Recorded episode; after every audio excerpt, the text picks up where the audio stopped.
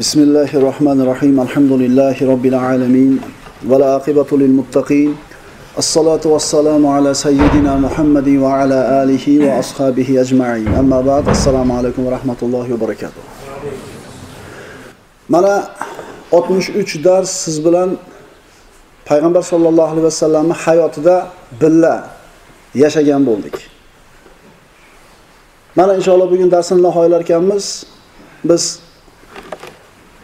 shuni tushunishimiz kerakki payg'ambarimiz sollallohu alayhi vasallamni hayotlari siyratlari bu gapirilib qo'yiladigan bir dars eshitib qo'yiladigan bir maviza yoki bir tinglab qo'yiladigan bir hikoya qissa emas.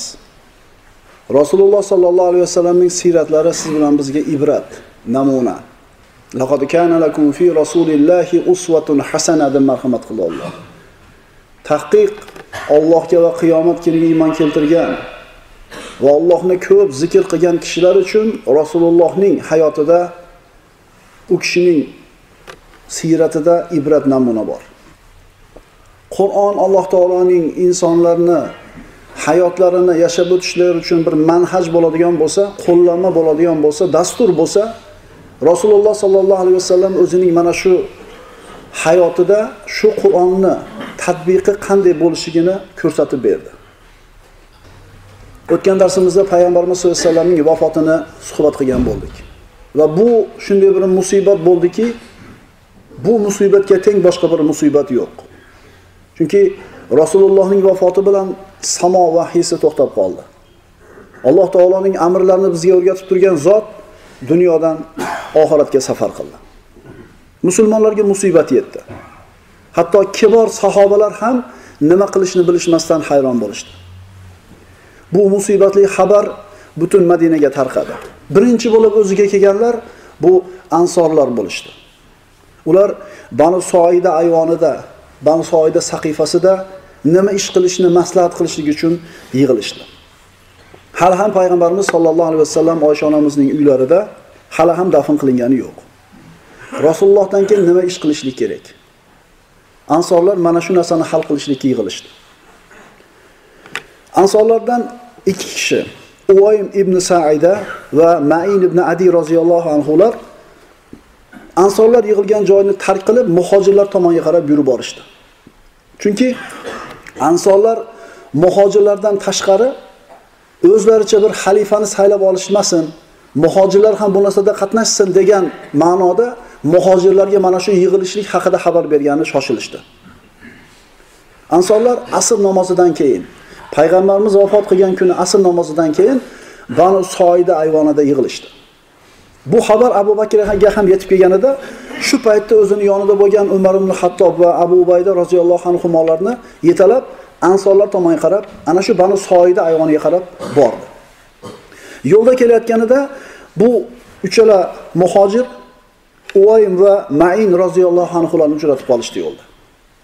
Uvaym ibn Soida haqida payg'ambarimiz shunday degan edi. Mana fihi rijalun yuhibbuna an yatatahharu ya'ni shu Qubo masjidida o'zlarini ya'ni unda poklikni sevadigan kishilar bordir degan oyat nozil bo'lganida payg'ambarimiz aytgan edilar. Uvaym ibn Soida ana shu kishilardan degan edi. Mayn ibn Adi esa Rasululloh vafot qilganida odamlar qani edi yo Rasululloh sizdan burun vafot etganimizda, qani edi sizni vafotingizni ko'rmaganimizda deyishgan edi. Mayn ibn Adi esa aytgan edi. Men esa Nabiy sallallohu alayhi vasallamdan ko'ra avvalroq vafot etishni xohlamayman. Chunki u zotni tirikligida qanday tasdiqlagan bo'lsam, vafot etganida ham shunday tasdiqlashni xohlayman degan edi. Shunday bir ulug' insonlar edi. Bu ikki kishi o'zi ansor bo'lishiga qaramasdan Ansorlarni qilayotgan ishiga teskari bo'lsa ham o'zlari to'g'ri deb bilgan narsani qilishyapti. Muhojirlarga xabar bergani kelyapti. Bu kishilarning tamomiy qalbini pokiz ekanligini bir dalili edi. Abu Bakr, Abu Ubayda va Umar ibn Hattoblar kelar ekan, bu ikki ansor yo'lda uchrashib, ularga sizlar muhojirlarsiz. Nabiy sallallohu alayhi vasallamning vazirlari sizlar. Bu ishda, ya'ni payg'ambarimizdan keyin boshliq tayinlashlikda yolg'iz o'zlaringiz qaror qabul qilinglar. ansorlarni so'ziga quloq solmanglar dedi. Ya'ni hech kimga parvo qilmasdan o'zingizlar tayinlanglar xalifani dedi. Abu Bakr Siddiq yo'q dedi. Biz ansor birodarlarimiz bilan uchrashamiz. Toki so'zimiz bir joydan chiqsin dedi. dedida ansorlar yig'ilgan joyga bu beshala kishi endi birgalashib borishdi bu vaqtda ansorlarning sayyidi saad ibn uboda roziyallohu anhu o'zini qavmdoshlariga ansorlarga xutba qilayotgan edi u kishi shunday deyayotgan edi ey ansorlar jamoasi sizlar boshqalardan ko'ra dinga avvalroq kirdinglar. Sizlarning islomda fazilatingiz bor. Bu narsa boshqa biron bir arab qabilasida yo'q. Albatta nabiy sollallohu alayhi vasallam o'zining qavmini ichida o'z qavmini Allohning diniga da'vat qilib butlarni tark qilishlikka bir necha yillar chaqirib yashadi. U zotga qavmining ozgina kishilargina iymon keltirishdi. U kishilar ya'ni makkada payg'ambarimizga iymon keltirgan ozgina muhojirlar rasulullohni himoya qilishga u zotning dinini aziz qilishga o'zlarining boshlariga tushgan musibatni daf qilishga qodir bo'lmadilar. Shunda Alloh sizlarga fazl ko'rsatib karomatni sizlar tarafingizga yurishini xohladi. Sizlarni bu ne'mat bilan xos qildi. O'ziga va nabiysiga bo'lgan iymon bilan rasulullohni va ashoblariga bo'lgan himoya bilan rizqlantirdi rasulullohga bo'lgan himoya bilan rasulullohning sahobalariga bo'lgan himoya bilan sizlarni rizqlantirdi to arablar Allohning dinini xohlab yoki majbur bo'lgan hollarida dinga kelmagunlaricha Alloh dinining dushmanlariga adovatingiz qattiqroq bo'ldi. Alloh sizlarning qilishlaringiz sababli arablarni payg'ambarning diniga kirgizdi. Hamda Rasululloh sollallohu alayhi vasallam sizlardan rozi bo'lgan holda vafot etdi. Bas, bu ishda xalifa saylashlikda. Sizlar boshqalarga parvo qilmay, o'zlaringiz qaror qabul qilinglar. Chunki bu ishni hal qilish faqat sizlarning haqlaringiz dedi. Umar ibn Hattob roziyallohu anhu aytadi. Sa'd gapirayotganda unga aytadigan so'zlarimni tayyorlab turgan edim dedi. Sa'd so'zini tugatganidan keyin o'rnimdan turmoqchi bo'ldim. Abu bakr meni to'xtatib qoldi. Kutib turing dedi. So'ngra o'zi turdi. Abu bakr turib ey odamlar dedi ansorlar ichida turar ekan ey odamlar biz muhojirlarmiz. Islomga birinchi bo'lib kirganmiz. Hasab jihatidan eng karamlisimiz. Makonat jihatidan insonlarning afzalimiz. Rasulullohga ham eng yaqin bizmiz. Sizlardan avval iymon keltirdik. Qur'oni karimda ham sizlardan avval zikr qilindik. Chunki alloh taolo qur'onda vassabiqunal avvaluna minal muhajirin val ansor deb zikr qilgan. Ya'ni muhojir va ansorlarning birinchi peshqadamlari va ularga chiroyli amallar bilan erishgan zotlar Alloh ulardan rozi bo'ldi. Ansorlar degan so'zdan avval muhojirlar degan so'zni zikr qildi. Bizni Alloh sizlardan avval zikr qilgan dedi. Biz muhojirlarmiz. Sizlar esa ansorsizlar. Sizlar bizning dindagi birodarimizsiz. Faydagi sheriklarimizsiz. Dushmanlarga qarshi bo'lgan jangda bizga yordamchisiz. Taqiq xayrli ish qildingiz. Alloh sizlardan rozi bo'lsin. Bizlar amirmiz, sizlar vazirsiz. Arablar faqatgina Qurayshdan bo'lgan kishilarga itoat etadilar. Alloh taolo muhojir birodarlarga bergan narsani talashmanglar dedi. Umar ibn Hattob aytadi. Nima demoqchi bo'lsam deydi. Qanday so'zni aytishlikka tayyorlab qo'ygan bo'lsam, birortasini qoldirmasdan Abu Bakr hammasini aytib o'tdi dedi. So'ngra Abu Bakr so'zining oxirida albatta men sizlarga bu ikki kishidan birini tanlab olishingizni taklif qilaman dedi. Ya'ni o'zingizlarga boshliq qilib, mana bu ikki kishidan bittasini tanlanglar dedi-da, bitta qo'li bilan Abu Ubayda roziyallohu anhuni, ikkinchisini bilan Umar ibn Hattobni ushladi. Umar ibn Hattob aytadi, Abu Bakrda aytgan hamma gapidan rozi bo'ldim, faqat mana shunisiga rozi bo'lmadim deydi. Axir oralarida Abu Bakr Siddiq bo'lgan qavmga qanday qilib men boshliq bo'laman dedi. Sa'd ibn Uboda roziyallohu anhu kasal edi. Gapirayotganda bemor edi, betob edi. Gapini tugatgandan keyin kiyimiga o'ranib bir chekkaga borib o'tirib olgan edi. Abu bakrni bu xutbasidan keyin ansonlar jim qolishdi. Chunki Sa'd ibn ubodada turib, bu ish, ya'ni boshliq tayinlashlik ansonlarning haqqi deb turibdi. Abu Bakr Siddiq chiqib turib, muhojirlarni haqi dedi. Shunda Habbob ibn Muzir turdida ansorlardan bu kishi. Turib aytdiki, sizlardan bitta amir bo'ladi unda, bizdan bitta amir bo'ladi dedi. Sizlardan bitta amir, bizdan bitta amir dedi. Hamma o'zini fikrini aytib, g'olag'ov ko'tarilib ketdi. Ovozlar ko'tarildi. Yana nima qilishni bilishmasdan hayron qolishdi. Shunda Umar ibn hattob roziyallohu anhu turdi. Umar roziyallohu anhu turib aytdi: "Ey odamlar" dedi. Bu kishi Abu Bakr Siddiq dedi. Nabiy sallallohu alayhi vasallamning g'orda birga o'tirgan sohibi. U kishi haqida Alloh Qur'onda oyatlar nozil qilgan. Hamda Rasululloh sizlarga iymon bo'lishiga faqat Abu Bakrga rozi bo'lgan dedi. Qanday qilib sizlardan biror kishi Abu Bakrga iymon bo'lishligini xohlaydi dedi. Hech kim turmadi. Chunki Umar ibn Hattob roziyallohu anhu imomga o'tganda payg'ambarimiz Alloh va Rasuli va mu'minlar bu narsani xohlamaydilar deb 3 marta takrorlagan edi. Hech kim turmaganidan keyin Umar ibn Hattob, "Ey Abu Bakr" dedi. "Qo'lingizni uzating" dedi. Abu Bakr qo'lini uzatdi. Hali Umar ibn Hattob qo'lini ushlab bayat bergunga qadar ansorlardan bo'lgan Bashir ibn Sa'd roziyallohu anhu irg'ib turdida, birinchi bo'lib Abu Bakrga bayat berdi. Abu Bakr xalifa.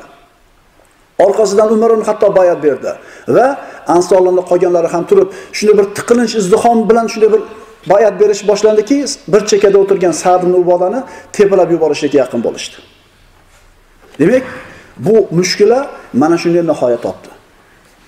Bu ish dushanba kuni bo'lgan edi. Dushanba kuni asrdan keyingi vaqtda. Nabiy sallallohu alayhi vasallam hali ham Oysha onamizning hujralarida edi, hali ham dafn qilingan emas. Ertasi kuni seshanba kuni peshinda odamlar namozga jamlanar ekan, Abu Bakr minbarga chiqib gapirmoqchi bo'ldi. Shunda minbarga Umar ibn Hattob chiqdi-da, kutib turing dedi Abu Bakrga. So'ngra Umar minbarga chiqib shunday dedi. Men kecha kuni aytgan so'zlarim bu shaytonning adashtirishidan dedi. Ya'ni Rasululloh o'lmagan. Rasululloh qaytib keladi deb boyaga alamda, musibatni qattiqligini aytgan so'zlarini aytyapti. Kechagi men aytgan so'zlarim bu shaytonning adashtirishidan. Albatta sho'ro ahli nabiyingizni g'orda hamrohi bo'lgan bu kishiga bay'at berishlikka ittifoq qilishdi dedi. Ya'ni Abu Bakrga bay'at berildi. Turib Abu Bakrga bay'at beringlar dedi. Va qolgan musulmonlar ham kecha ansorlardan tashqari hali bay'at bermagan boshqa musulmonlar ham bir chekkadan kelib Abu Bakr Siddiq roziyallohu anhuga bay'at berishdi. Shunday qilib Abu Bakr Siddiq musulmonlarga Rasulullohning xalifasi bo'ldi. So'ngra Abu Bakr Siddiq roziyallohu anhu minbarga ko'tarildi. Allohga ham payg'ambarimiz sollallohu alayhi vasallamga salovatlar aytdi. So'ngra aytdi: "Ammo ba'd. Ey odamlar, albatta men sizlarga boshliq qilib tayinlandim. Vaholanki men sizlarning eng afzalingiz emasman." Bu kamoli Abu Bakr roziyallohu anhu ning kamtarligidan edi. Abu Bakr Siddiq roziyallohu anhu eng afzal inson ekanligi payg'ambarlardan keyin payg'ambarimiz sollallohu alayhi vasallamning hadislari bilan isbotini topgan edi. Payg'ambarimiz aytgandilar, anbiyolardan keyin yerni bosgan eng afzal kishi bu Abu Bakr deb aytgan edi. Alloh taolo osmonni yerni yaratgan kundan boshlab yer yuzini odamlar tepalarkan kelib payg'ambarlardan keyingi o'rinda turgan eng afzal inson Abu Bakr Siddiq roziyallohu anhu edi. Abu Bakr hukmdagi o'zining manhajini, dasturini bayon qildi. Agar men to'g'ri ish qilsam, bas menga yordam beringlar. Agar xato qilsam, bas meni to'g'rilab qo'yinglar. Chunki rostgo'ylik omonatdir. Yolg'on esa xiyonatdir. Ya'ni hech qachon sizlarni aldamayman, sizlarga yolg'on gapirmayman, ma'lumotlarni o'zgartirib taqdim qilmayman. Birodarlar, rostgo'ylik omonat. odamlarni ustida rahbar bo'lgan odamlar, odamlarning mulkida omonatdor bo'lgan odamlar xotirjam bo'lsin. Qiyomat kunida ularga qo'yilgan omonat so'raladi. Rostgo'ylik bilan bo'ladigan bo'lsa Alloh taolaning barakoti keladi. Adolat bo'lgan joyda barakot bo'ladi, farovonlik bo'ladi. Chunki rostgo'ylik omonatdir. Yolg'on esa xiyonatdir. Davom etib Abu Bakr shunday dedi. Toki sizlarning orangizdagi zaif kishi agar boshqa birovda haqqi bo'lsa, meni oldimda bu kishi kuchlidir, toki uni haqqini olib beraman. Sizlardan qaysi bir kishi kuchli bo'lsa, lekin nohaq bo'lsa, meni oldimda u zaifdir, toki boshqalarni undagi haqqini olib beraman. Qaysi bir qavm Alloh yo'lidagi kurashni tark qilar ekan, Alloh ularni xorlik bilan jazolaydi. Qaysi bir qavmda fahsh yoyilar ekan, Alloh ularga balolarni yog'diradi. Ustingizda Allohga itoat qilgan narsamda menga itoat qilinglar. Alloh va rasuliga osiy bo'lgan o'rinda menga itoat qilmanglar. Namozlaringizga turinglar, yarhamukumulloh dedi. Mana shu qisqagina xutbasida Abu Bakr Siddiq roziyallohu anhu qanday hukm yurgizishligini, o'zini hukmdagi dasturini musulmonlarga bayon qildi. Bu 11-hijriy yil robiyul avvalning 13-seshanba kuni bo'ldi bu ish. Payg'ambarimiz vafot qilganini ikkinchi kuni.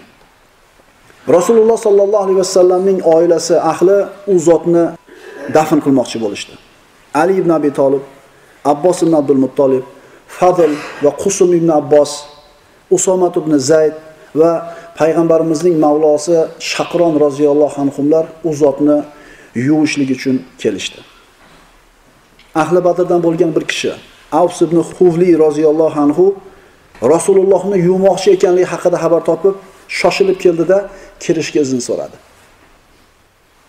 Chaqirganida Ali roziyallohu anhu chiqdi. Oxirgi marta payg'ambarimiz sollallohu alayhi vasallamni ko'rishi mumkin shu yerga kirsa. Payg'ambarimiz faqat o'zini xonadoni, o'zini ahli yuvadi. Shunda ey Ali dedi. Allohning nomini o'rtaga qo'yib so'rayman. Rasulullohga bo'lgan muhabbatni, u zotga bo'lgan suhbatimizni hurmatini o'rtaga qo'yib so'rayman. U zotni sizlar bilan birga yuvishimga ruxsat bering dedi. Ali roziyallohu anhu ruxsat berdi. U kishi ham kirdi. Ular payg'ambarimizni yuvmoqchi bo'lishdi, lekin nima qilishlikka hayron bo'lishdi. Sababi hamma qatori yechintirib yuvintiramizmi yoki odamlarni xilof qilib odatiga kiyimini yuvamizmi? Bu kishilar nima qilishligini bilmasdan turganlarida birdaniga hammasi yengil uyquga ketdi, mudroq bosdi. Va hovli tomonidan Rasulullohni kiyimlarida yuvinglar, ya'ni kiyimida qoldirib yuvinglar degan ovozni eshitishdi o'zlariga kelib turib eshitdinglarmi? Eshitdinglarmi deyishdi. Bu Alloh tomonidan ularga berilgan bir ishora edi. Payg'ambarimiz sollallohu alayhi vasallamni kiyimlarida turgizib yuvintirishdi. Nabiy sollallohu alayhi vasallamni muborak jasadlarini ali roziyallohu anhu olib ko'hrigiga suyab turdi. Fazl va qusum roziyallohu anhular yordam berishdi. Usoma va shaqron suv quyib berib turdi. Abbos ibn Abdul Muttolib roziyallohu anhu payg'ambarimiz yuvdi. Shunday qilib payg'ambarimiz yuvildi va uch oq savb bilan kafallandi. Endi dafn qilish kerak. Qayerga dafn qilishadi? Masjidga dafn qilishadimi? Oysha onamizni hujrasiga dafn qilishadimi? yoki Baqiy qabristoniga olib chiqib dafn qilishadimi? Maslahat so'rab Abu Bakr Siddiq roziyallohu anhu oldiga odam yuborishdi. Abu Bakr ularga men nabiy sollallohu alayhi vasallamning biz anbiyolar qayerda vafot qilsak shu yerga dafn qilinamiz deganini eshitganman dedi. Shunda payg'ambarimizni xonadoniga bu xabar yetganda oysha onamizni uyida qabr kavlashlikni harakatini boshlashdi. Chunki payg'ambarimiz oysha onamiz roziyallohu anhuning uyida vafot topgan edi. Endi qabr qazishda ham yana ikkilanishdi. Qanday qilib kavlaymiz? Muhojirlar chuqurni to'g'ri kavlardi, kavlab shuni ko'milardi. Ansorlar esa chuqurni kavlab tushib turib, yana yonboshiga chuqur qilib lahab qilishar edi. Endi qaysinisi bilan dafn qilamiz payg'ambarimizni? Muhojirlar kavlaganda ham yoki ansorlar kavlaganda Muhojirlarni mana shu dafn ishlaridagi boshlig'i Abu Ubayda roziyallohu anhu edi. Ansorlarni bu ishda boshlig'i Abu Talha roziyallohu anhu edi. Abbos ibn Abdul Muttolib ikkalasiga ham teng odam yubordi. Yubordida Parvardigor dedi, nabiyingga o'zing ixtiyor qilib ber. Ana shu ikkisidan qaysi biri kelsa, o'shalar qazigandaqa qaziymiz dedi. Birinchi bo'lib Abu Talha roziyallohu anhu ansonlardan bo'lgan kishi keldi.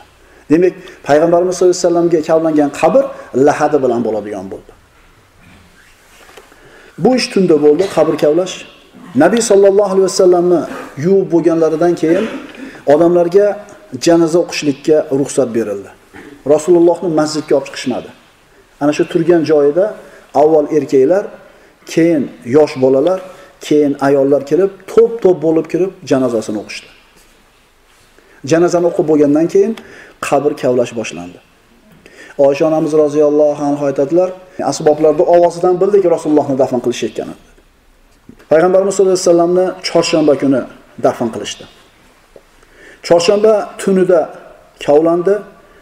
So'ngra qabr tayyor bo'lganida Ali, Fazl, Qusum va Shaqron roziyallohu anhumlar payg'ambarimizni ko'tarib qabrga olib kelishdi. Dafnga payg'ambarimizning qo'riqchisi Mug'irat ibn Shu'ba roziyallohu anhu ham qatnashgan edi. Lahadiga joylab chiqib, ustiga tuproq tortishlikka kirishmoqchi bo'lib turganlarida Mug'ira ibn Shu'ba qo'lidagi uzugini yechdida qabrga tashlab yubordi. So'ngra to'xtab turinglar, to'xtab turinglar dedi. Men uzugim tushib ketdi. Uzugimni olib chiqib olay dedi. Tushdida uzugini olgandan keyin Rasulullohni oxirgi marta qo'llari bilan silab oldi. Va aytdiki keyin Rasulullohga oxirgi marta qo'lini tekkizgan odam men bo'lishimni xohladim dedi. Shunday qilib payg'ambarimiz sollallohu alayhi vasallamni dafn qilishdi. Payg'ambarimiz sollallohu alayhi vasallam Oysha onamizning hujrasiga dafn qilindi. Ali roziyallohu anhu uyiga qaytib kelganida Fatima Zahro payg'ambarimizning qizlari qattiq yig'lab o'tirgan edi. Kuyoviga qarab, "Ey Ali" dedi. Rasulullohni ustiga tuproq totgani qo'linglar qanday bordi dedi. Ustiga tuproq totdinglarmi dedi. Qo'linglar qanday bordi Rasulullohga tuproq totgani dedi. Lekin o'lim haq. Har bir insonni boshiga keladigan haqiqat. Payg'ambarimiz sollallohu alayhi vasallamni vafotidagi musibat bo'lmaydi musulmon odam uchun. U zotning vafoti vafoti sababli vahiy to'xtab qoldi. U zot bizga vahiyni ta'lim berardi. Allohning buyruqlarini yetkazib turib, birodarlar, bir podshoni rahbarni bir ulug' inson emas. Allohning buyruqlarini siz bilan bizga ta'lim berar edi. Vahiyni uzilib qolishidan bizga osmon bilan yer o'rtasidagi aloqani uzilib qolishidan kattaroq musibat bo'lishi mumkinmi? Rasululloh sollallohu alayhi vasallamga bo'lgan sahobalarning muhabbati faqat bu dafnida yoki vafotida bilinmadi, balki uzoq yillar o'tdi. Futuhotlar birin-ketin o'lkalarni musulmonlar fath qilishda davom etishdi. Umar ibn Hattob roziyallohu anhu davrida Fors, Rum saltanatlari mag'lub qilindi. Bu bilan Alloh taolo musulmonlarni islomni shavkati yuksalganligini ko'rsatdi. Kufrni va shirkni shavkati singanligi ma'lum bo'ldi. Musulmonlar Shomga qarab yurishdi. Umar ibn Hattob xalifa bo'lib turgan paytida 4 ta katta qo'shinni, 4 katta qo'shinni Shomga, Baytul Maqdisga, Quddusni fath qilishga yuborgan edi. Quddus shahri fath bo'ldi. Endi Quddusdagi nasorolar biz shaharni faqatgina xalifaga topshiramiz deb turib olishdi. Shunda Umar ibn Hattob roziyallohu anhu Quddusga o'zi yurib bordi. Quddusga keldi Umar ibn Hattob. Shunda Jo'lon balandligida ana shu Jo'lon balandligida mana shu bir buyuk musulmon lashkari to'rtta katta amirni boshligida hammasi yig'ildi shu yerga. Bu dar haqiqat islomni g'olib bo'lganligini bir dalili edi. Rum parchalandi. Fors saltanati mag'lub qilindi. Islom g'olib bo'ldi. Xolid ibn Valid amirlardan, Shurohbil ibn Hasana, Amr ibn al-Os, Abu Vayda roziyallohu anhu boshliq katta qo'shin yig'ildi. Mana shunday bir ulug' kunda ular Umar ibn Hattob roziyallohu anhudan "Ey Umar" deyishdi. Bu kun Allohning buyuk kunlaridan Bilolga ayting, bugun azon aytib bersin dedilar. Bilolga buyuring, bugun azon aytsin dedi. Chunki payg'ambarimiz sollallohu alayhi vasallam vafot qilgandan kundan boshlab Bilol roziyallohu anhu azon aytmay qo'ygan edi. Rivoyatlarda keltiriladi. Azon aytmayman deganida Abu Bakr Siddiq roziyallohu anhu aytasiz deb majbur qiladi. Shunda ey Abu Bakr deydi. agar siz meni umayyadan sotib olib o'zingizga qul qilishlik uchun sotib olgan bo'lsangiz buyuring aytaman deydi. Agar meni Alloh uchun ozod qilgan bo'lsangiz meni majbur qilmang. Axir ashhadu anna muhammad rasululloh desam rasululloh hujrasidan chiqib kelmasa men qanday sabr qilaman degan edi mana bir necha yillar o'tdi endi bilol roziyallohu anhudan sahobalar mana shu kunni sharofati bilan ozon berishligini talab qilishdi. Bilol roziyallohu anhuni umar chaqirdi va Allohni nomini o'rtaga qo'yib so'rayman. Bugun ozon aytib bering dedi. Bilol roziyallohu anhu rozi bo'ldi. Rasulullohning vafotidan keyin birinchi marta ozon aytyapti bilol.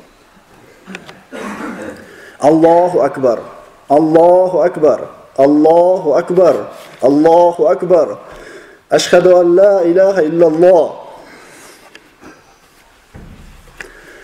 Ashhadu an la ilaha illalloh. Endi ashhadu anna muhammada rasululloh deganda bilol to'xtab qoldi. Yig'ladi. Yig'ini qattiqligidan bilol roziyallohu anhu ozonni davom etkazolmay qoldi. Bilol roziyallohu anhu yig'ladi. U kishining yig'isiga qo'shilib hamma yig'ladi. Chunki rasulullohni eslashdi. U zotni pokiza siyratini iymonni eslashdi jihodini xulqini eslab yig'lashdi fidokorligini sabrini eslab yig'lashdi. U zotning ulug' sifatlarini eslab barchalari yig'ladi. Chunki rasululloh sollallohu alayhi vasallam barcha mehnatni qiyinchilikni mashaqqatni qilib bo'lib alloh taoloni huzuriga safarni ixtiyor qilgan mana endi payg'ambarimiz sollallohu alayhi vasallam musulmonlarga bergan bashoratlar birin ketin sodir bo'lib olishlayotgandi rumni yengishdi forsni yengishdi quddusni baytul maqdisni fath qilishdi. Bilol roziyallohu anhu yig'ini qattiqligidan ozon aytolmay qoldi. Alloh taolo payg'ambarimiz sollallohu alayhi vasallamga bo'lgan muhabbatni qalbimizga joylashini so'raymiz. Firdavs jannatlarida bizlarni u zot bilan hamsuhbat qilishligini so'raymiz. Rasululloh sollallohu alayhi vasallamning siyrati malollantirmaydi bu rasulullohning siyrati bu hikoya yoki qissa emas bir eshitib qo'yadigan. Rasululloh sollallohu alayhi vasallamning siyrati ibrat, namuna, biz uchun qudva. Laqad kana lakum fi rasulillahi uswatun hasana liman kana yarjulloha wal yawmal akhir va zakaralloha katira. Alloh Qur'onda aytadi: Ey mu'minlar, sizlar uchun Alloh va oxirat kunidan umidvor bo'lgan hamda Allohni ko'p yod qilgan kishilar uchun Allohning payg'ambarida go'zal ibrat namuna. Birodarlar, bizga hech kim ibrat bo'lishlikka yaramaydi. Biz uchun ibrat bo'lgan zot faqat Rasululloh sollallohu alayhi vasallam va u zotning sahobalari. Nabiy sollallohu alayhi vasallamga bo'lgan muhabbat nima? Bu xutba emas, bir hikoya emas, she'r, madh yoki biror bir maviza emas eshitib qo'yadigan. Rasulullohga bo'lgan muhabbat u zotga bo'lgan ergashish. U zotning sunnatini hayotimizda tatbiq qilishlik. Rasulullohga bo'lgan muhabbat nima? Siz bilan bizning iymonimizni sharti. La yu'minu ahadukum hatta akuna ahabba ilayhi min waladihi va walidihi wan nasi ajma'in. Sizlardan bir kishining iymoni komil bo'lmaydi toki men unga otasidan ham, bolasidan ham, hattoki hamma odamlardan, hatto o'zini jonidan ko'ra ko'proq yaxshi ko'rmagunicha uni iymoni to'liq bo'lmaydi degan payg'ambarimiz sollallohu alayhi vasallam. Qul إن كنتم تحبون الله فاتبعوني يغببكم الله ويغفر لكم ذنوبكم والله غفور رحيم Ey Muhammad, ayting, agar Allohni sevsangiz, menga ergashinglar. Shunda Alloh sizlarni sevadi va gunohlaringizni mag'firat qiladi. Alloh gunohlarni mag'firat qilguvchi bo'lgan zotdir. Alloh subhanahu va taolo siz bilan bizni payg'ambarimiz sollallohu alayhi vasallamning yo'lida borishimizga o'ziga yo'liqadigan kunimizgacha u zotning sunnatida turishligimizga tavfiq berishini so'rab qolamiz. Mana darsimiz nihoyasiga yetdi. 63 darsda Rasululloh sollallohu alayhi vasallamning siyratlarini o'qib o'rgangan bo'ldik. Lekin payg'ambarimiz sollallohu alayhi vasallamni vasf qilishdan qalam ojiz. U zotni qaddi qomatiyu xulq atvorlari, fe'llarini sifatlashlikka qalam ojiz. Payg'ambarimiz mana shu buyuk sifatlari bilan hammadan ajralib turadi. Mana shu sifatlarini ta'sirida qalblar u zotni ulug'lab yaxshi ko'rdi. Odamlar u zotni hurmat ehtirom qildi. Va mana shu hurmat ehtirom borasida dunyodagi hech bir inson payg'ambarimiz sollallohu alayhi vasallamga barobar bo'la olmaydi. Hech kim bandalardan hech qaysisi boshqa bir bandani musulmonlar o'zini payg'ambarni yaxshi ko'rganchalik yaxshi ko'rgan emas. U zotni atrofida yashab turgan odamlar u zotni qattiq sevishar edi. U zotga tirnoqcha zahmat yetganidan ko'ra o'zlarini bo'yinlarini uzilib ketishini yaxshi ko'rishar edi. Inson bolalarni ichidan hech kimga ato etilmagan fazilat o'ziga xos bo'lgan kamolat sifatlari payg'ambarimiz sollallohu alayhi vasallamni o'zida jamlandi. Mana quyida darsimizni nihoyasida sahobalar payg'ambarimiz sollallohu alayhi vasallamning tashqi ko'rinishi haqida nimalar deyishgan. Mana shularni o'qigan bo'lamiz. Ummu Bobit payg'ambarimiz hijrat qilganida mana shu ayolning chodiriga to'xtagan edi yo'lda. Va payg'ambarimiz sollallohu alayhi vasallamni u ayol qanday sifatlagan edi? Payg'ambarimiz haqida Ummu Bobit shunday deydi. U zot g'oyat ko'rkam, yuzlaridan nur yog'ilib turuvchi, go'zal xulqli, boshi va qornini na kattalik va na kichilik bilan ayblab bo'ladi. Husndor va go'zal. Ko'z qorachig'i ham tim qora. Kipriklari uzun, ovozlarida biroz mayinlik bor. Bo'yni salgina uzun. Ko'zining oqi tiniq oq. Qoshlari kamon, sochlari qop-qora. Sukut saqlaganida viqor, so'zlaganida esa ko'rkamlik balqib turadi. Uzoqdan qaraganda g'oyat kelishgan e, ko'rkam, yaqindan ko'rganda g'oyat go'zal va yoqimli. So'zlari shirin va dona-dona. Sergap ham, kam gap ham emas. So'zlari xuddi ipga terilgan munchoqdek. O'rta bo'yli, ko'rgan kishi na pakana va na darroz deb ayblay oladi. Yonida hamrohlari ham bor. Ular uning so'zlariga jim turib quloq solishadi va buyruqlarini bajarishga oshiqishadi. Ular uning amriga muntazir bo'lib, yonidan nari ketishmaydi. U qovoq uyuvchi ham, birovni kamsitish ham emas. Payg'ambarimiz sollallohu alayhi vasallamning eng yaqin sahobasi Ali ibn Abi Talib roziyallohu anhu shunday deydi. U zotning bo'ylari o'ta uzun ham, o'ta past ham emas, o'rta bo'yli edilar. Sochlari o'ta jingalak ham, o'ta silliq ham emas. Jingalaklik va silliqlik o'rtasida edi. Badanlari semiz ham, yuzlari go'shtdor va dumdumaloq ham emas edi. Yuzlari biroz dumaloqlikka moyil, tiniq oq edi. Ko'zlarining qorachig'i tim qora, kipriklari uzun, yelka va bo'g'in suyaklari katta. Ko'kraklaridan qorinlarigacha mayin va ensiz tuk bilan qoplangan. Badanlari jundor emasdi. Oyoq qo'llari zalvorli, yurganda xuddi qiyalikdan tushib kelayotgandek salobat bilan yurardilar. O'girilib qaramoqchi bo'lsalar, butun gavdalari bilan burilar edilar. Ikki kiftlari o'rtasida payg'ambarlik muhri bor edi. U zot oxirgi payg'ambar edilar.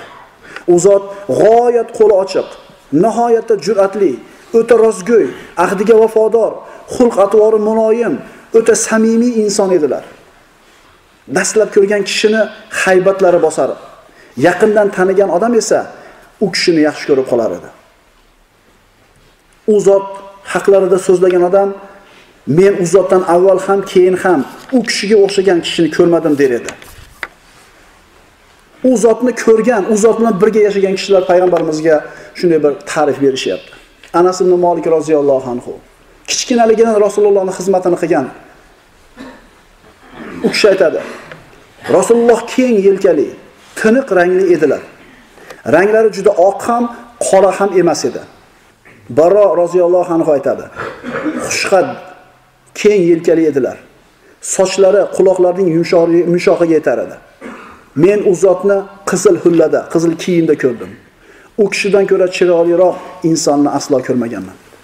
Ka'b ibn Malik aytadi: Xursand bo'lsalar, yuzlari oydek yorishib ketar edi. Jabir ibn Samura roziyallohu anhu aytadi: Boldirlari biroz ingichka edi. Kulsalar faqat tabassum qilib qo'yardilar. U zotning yuzlariga boqib, ko'zlariga surma tortilgan deb o'ylar edim. Aslida esa surma qo'yilmagan bo'lar edi. Umar al xattob aytadi: U zotning tishlari juda chiroyli edi. Ibn Abbos aytadi: Kurak tishlarini orasi ochiq bo'lib, gapirayotganda, gapirgan paytlarida tishlari orasidan nur taralayotgandek bo'lar edi. Anas roziyallohu anhu aytadi: Rasululloh sollallohu alayhi vasallamning kaftlaridan ko'ra muloyimroq bo'lgan na ipek va na boshqa narsani ushlamadim. Va Rasululloh sollallohu alayhi vasallamning bo'yidan ko'ra xushbo'yroq biron hidni topmadim. Bir oyat aytadi, Rasululloh sollallohu alayhi vasallamning hidlaridan yoki bo'ylaridan ko'ra xushbo'yroq na mushk va na ambar va na boshqa biron xushbo'ylik topmadim. Abu Juhayfa aytadi. U zotning qo'llarini olib yuzimga bosdim. Qo'llari qordan-da muzdek va mushkdanda da xushbo'yroq edi. Jabir ibn Samura roziyallohu anhu o'zini bolalik davrini eslab aytadi. Rasululloh sollallohu alayhi vasallam yuzimni siladilar. Qo'llarida salqinlik va xushbo'ylikni his qildim. Go'yo u zot qo'lini Attorning qutisidan chiqargandek edi. Anas roziyallohu anhu aytadi, terlari marjondek edi. Onam Ummu sulam aytar edi, u ya'ni terlari xushbo'yning xushbo'yi. Jabir roziyallohu anhu aytadi, bir yo'ldan yurib o'tgan bo'lsalar, u zotdan keyin shu yo'lda yurgan odam xushbo'y hidlaridan yoki terlarining xushbo'y hididan u zotning bu yerdan o'tganini bilib olardi. Payg'ambarimiz sollallohu alayhi vasallam mana shunday bir buyuk inson bo'lgan. Aytib o'tganimizdek, bu voizlarning tillari, kotiblarning qalamlari u zotni jasadiy, axloqiy sifatlarini ta'riflashlikka albatta ojiz bo'ladi. Siz bilan biz mana shunday zotga ummat bo'lganimizga Alloh taologa hamd va sano aytishimiz kerak. Va u zotga ummat bo'lganligimizni isboti o'laroq hayotimizni payg'ambarimiz sollallohu alayhi vasallamni ko'rsatmasi bilan yashab o'tishimiz kerak bo'ladi. Siz bilan bizga Alloh taoloning tavfiqi bo'lgan bo'lsin. Aqulu qawli hada va astagfirulloh li va lakum. Assalomu alaykum va rahmatullohi va barakatuh.